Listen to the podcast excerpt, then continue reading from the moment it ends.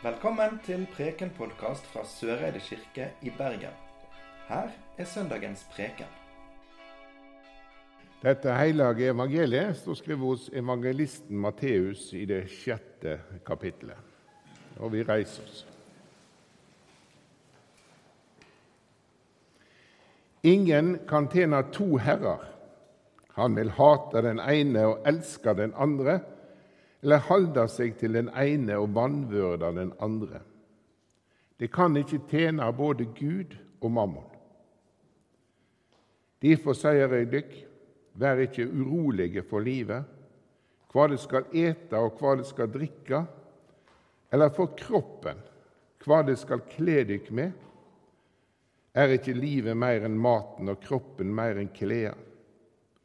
Se på fuglene under himmelen. Ikke sår de, ikke hauster de, og ikke samler de i hus, men far dykker i himmelen før de likevel. Er ikke det mye mer enn de? Hvem av dykk kan med all si uro legge en eneste alen til livslengda si? Og hvorfor er det urolige for klær? Se på liljene på marka, hvordan de vokser. De strever ikke og spinner ikke, men jeg sier dere, ikke engang Salomo i all sin herligdom var kledd som en av dem. Og når Gud kler gresset så fint, det som vokser på marka i dag og blir kasta i ovnen i morgen, hvor mye mer skal han da ikke kle dykk? Det er lite truende. Derfor må de ikke være urolige og si hva skal vi ete, eller hva skal vi drikke, eller hva skal vi kle oss med? For alt dette er heidningene opptatt av. Men Far dykkar i himmelen veit at det trenger alt dette. Søk først Guds rike og Hans rettferd, så skal det få alt det andre i tillegg. Vær derfor ikke urolige for morgendagen. Morgendagen skal uroa seg for sitt. Hver dag har nok med si møe. Slik lyder det hellige evangeliet.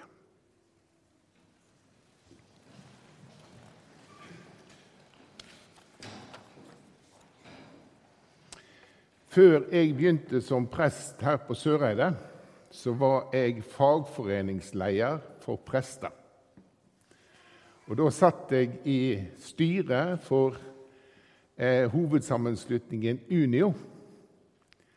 Og I 2014 så hadde vi et styreseminar oppe i Holmenkollen. og Der fikk vi besøk av Jonas Gahr Støre, som da var nett valgt som eh, ny leder for Arbeiderpartiet. Og Vi satt der og diskuterte med han eh, mange samfunnsspørsmål. Og selvsagt så snakka vi om lønns- og arbeidsvilkår for alle offentlig tilsatte. Og jeg tok ordet og ville løfte fram hvor viktig det var at det skulle lønne seg økonomisk å ta utdanninger som samfunnet hadde bruk for. Og Da fikk jeg en knallsterk motreaksjon fra Jonas Gahr Støre. Han var tydeligvis ikke forberedt på at vi prester kunne snakke om lønn og økonomiske betingelser. Kanskje han da tenkte på disse ordene fra Matteusevangeliet om at en ikke kan tjene to herrer. Jeg har diskutert mye lønn og arbeidsvilkår opp gjennom åra, og blir av og til møtt med denne her tilnærmingen. da. Og Da pleier jeg å svare det at ja, bare fortell meg hvor jeg skal sende e-fakturaen, sånn at Vår Herre betaler den. Så slipper jeg å tenke mer på lønn og økonomi og slike ting. Det er ikke noe feil tenker jeg, å være opptatt av at en har gode lønns- og arbeidsvilkår når en har et system som vi har i Norge. Og Når jeg har diskutert lønn med mange prester, og det har jeg gjort med virkelig mange prester, så er det ofte ikke lønna som er problemet. Det er ikke det hvor mye du tjener. Men det er heller det at en annen kollega tjener litt mer enn deg. Da blir det fort utfordringer. Og det jeg oppdager da, det er det at penger, det er følelser. Masse, masse følelser. Og Det er sagt om rikdommen at det er en truløs herre som kan gi deg status den ene dagen, og som tar fra deg alt den neste. Og Jeg husker tilbake på 90-tallet, når det var den store krekket i boligmarkedet, eller på slutten av 80-tallet. Da var jeg kjent via en familie jeg var inngift i, så var jeg kjent med en veldig, veldig rik mann. Og Jeg visste jo ikke hvor rik han var, men jeg traff han i et familieselskap. Og, og, og da var jeg ung, eh, idealistisk teologistudent. Jeg og han røk i hop i en svær diskusjon om hva som er viktig her i livet, om det var penger eller det var andre verdier. Og De andre i familien de var helt hoderysta på at jeg satt der og diskuterte med han, for han var jo så rik, det visste jo alle, og jeg visste det ikke. Men jeg oppdaga etterpå at han var fryktelig rik. Og så gikk det noen år. Og så gikk han konkurs. Og tapte alle pengene sine, tapte alle eiendommene sine, og satt igjen med ingenting. Så traff jeg han igjen på en tilfeldig på en bensinstasjon. og Da kom han kjørende i en gammel bruktbil. Og Da sa han til meg 'Du hadde rett', sa han. Det er noen andre verdier som er viktige enn alle disse pengene. Og Det er ikke tvil om at vi lever i et samfunn der vi veldig ofte måler hverandre, og ikke minst måler suksessen en har i livet, ut fra hva materielle goder vi kan vise fram. Og Det kan skje på mange litt sånn intrikate og finurlige måter. Det kan være hus eller hytte eller biler eller ferieturer eller båter eller klær eller hobbyer eller titler. Alt dette er sånne artifakter som vi omgir oss med, som er symboler på at 'jeg har fått det til her i livet', 'jeg er et skikkelig menneske, for jeg er blitt rik'. Den tankegangen preger veldig mye av vårt samfunn og vår kultur. Da er det morsomt å lese en tekst fra Matteusevangeliet som var skrevet for 2000 år siden. Og Så ser han at utgangspunktet er akkurat det samme den gangen som det er nå. Og Jesus starta spørsmålet, starta liksom eh, diskusjonen med spørsmålet hvor samler vi skattene våre? Og så utvider han perspektivet og stiller oss et ransakende spørsmål. Hva er det som fyller sinn og tanke? Hva er det som gjør oss urolige? Hva er det som gjør at vi prioriterer sånn som vi gjør, med de ressursene vi rår over, og med den tida vi har til disposisjon på denne jorda. Og så er Jesus hyperaktuell når han videre trekker inn spørsmålet om hva vi eter og drikker, og hva vi kler oss med. Jeg kan nesten ikke åpne ei avis eller se på ei nettside uten at det står om hvordan den ene matretten gjør at du får kreft i neste uke. Og den andre matretten den gir deg nesten evig liv. Og ei fantastisk helse. Spørsmålet om hva vi eter og drikker, det er jo virkelig noe som vi, vi er opptatt av hele tida. Alle slags dietter og alle slags greier som vi holder på med i forhold til det.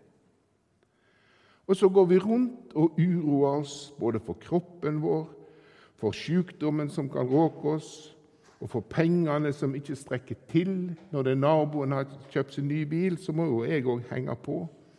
Eller naboen forteller om den siste feriereisa, eller vennene dine legger ut på Facebook at de har vært på den og den fjelltoppen, eller det eksotiske reisemålet. Jeg tror de aller fleste av oss kan kjenne oss igjen i dette. Det er spot on beskrivelse av våre liv, av våre samfunn. Og det henter jeg fra Matteusevangeliet, som var skrevet for 2000 år siden. Hva er så Jesus sitt poeng med å trekke fram dette? Og For å forklare det så bruker Jesus naturen som læremester. Han lar fuglene bli lærerne våre. Fuglene som fyker rundt og som fyller naturen om sommeren, de lever i øyeblinken. De lever akkurat her og akkurat nå. De eter det de finner. De synger når sola står opp. De bygger reir når eh, dagene blir lengre. Og de uroer seg ikke for morgendagen. Når dagslyset minker utover høsten, så reiser de i flokk og følge sørover og satser på at de overlever flyturen. På samme måte bruker Jesus blomstene på marka når han snakker om kle. Han ber oss om å se på en blom, hvor vakker den er. Og Den er skapt så vakker av Gud for å stå og lyse den ene dagen. Og Det er ikke sikkert det er noen som kommer til å se den blomen hvis den er inne i en skog eller oppå et fjell. Men naturens overflod viser det vakre for den ene dagen. Og disse to eksempler, fuglene og blomene, de har ett felles siktemål i det Jesus vil ha fram. Vi som får leve i trua, vi som får teikne en himmel over livet våre og tru på en Gud som er skaper, frigjører og livgjever. Vi som trur på ei frelse, vi lever med et fundamentalt annerledes grunnlag for livet. Et grunnlag som ikke er avhengig av materielle goder, ikke er avhengig av ei god helse, fordi vi hele tida er i Guds varetekt. Og vi har et annet perspektiv på livet, for vi ser mye lenger. Vi ser at den tida vi lever her på jorda, det er vår stund. Men så er det noe mer. Det er en himmel der framme. Vi lever i håp om at vi en dag så skal vi få våkne opp på en ny himmel og under, under en ny himmel og på en ny jord. Der all liding, alt som er vondt, er borte. Livet vårt tar ikke slutt når døden møter oss her. Vi har et helt annet perspektiv. Og da blir liksom måten vi nærmer oss virkeligheten på, den blir annerledes. Men det er ikke alltid like lett å bare ha blikket på den himmelen der framme. Når smertene inntar oss fra kroppen, når vi ser den materielle velstanden som omgir oss, når vi ser at mennesket har muligheter som jeg aldri kan ha, da er det så utrolig lett å bli fanga. Fanga inn i denne tankegangen som gjør at vi blir urolige og motløse og nedtrykte. Og jeg tror at vi nå opplever at det er enda lettere enn noen gang før å bli fanga inn i denne her logikken. Fordi det blir så forsterka, ikke minst av sosiale medier. Men i dag blir vi altså minnet om at det er noe annet. Ei anna vær, en annen virkelighet som åpner døra til et annet perspektiv på livet. Og Det vi har vært vitne til nettopp, er at Alma, som nett er kommet inn i vår verden, hun er nå gjennom dåpen lemma inn i dette riket, som har andre verdier, et annet grunnlag og et annet perspektiv på livet enn det vi blir fanga i av alle omgivelsene rundt oss. Og Når vi litt seinere i gudstjenesten skal feire nattverd, da får vi litt hjelp. Da kan vi på en konkret måte få ta imot brød og vin. Vi kan kjenne på smaken. Vi, vi kjenner og lukter og smaker at vi hører til i en virkelighet som er så mye større, og med så annerledes verdier, som gjør at vi kan få hjelp til å legge av oss all denne uroen og få lov å leve som fuglene her og nå. Kle oss som kong Salomo med blomstene på marka. I salmen 'Dei være ære', som vi nå skal synge, i vers 3 der, så står det 'Frykt ikke mer'. Evig er Han med, det er Jesus. Troens øye ser det. Han gir liv og fred. Kristi navn er ære, seier er hans vei. Evig skal han regjere, aldri frykter jeg. Ære være Faderen og Sønnen og Den hellige ande, som var, er og være skal, en sann Gud fra evig og til evig. Amen. Du har nå hørt Preken-podkast fra Søreide kirke i Bergen. Følg oss gjerne på Facebook og Instagram, eller gå inn på vår nettside kirken.no soreide. Takk for at du hørte på. Den var fin.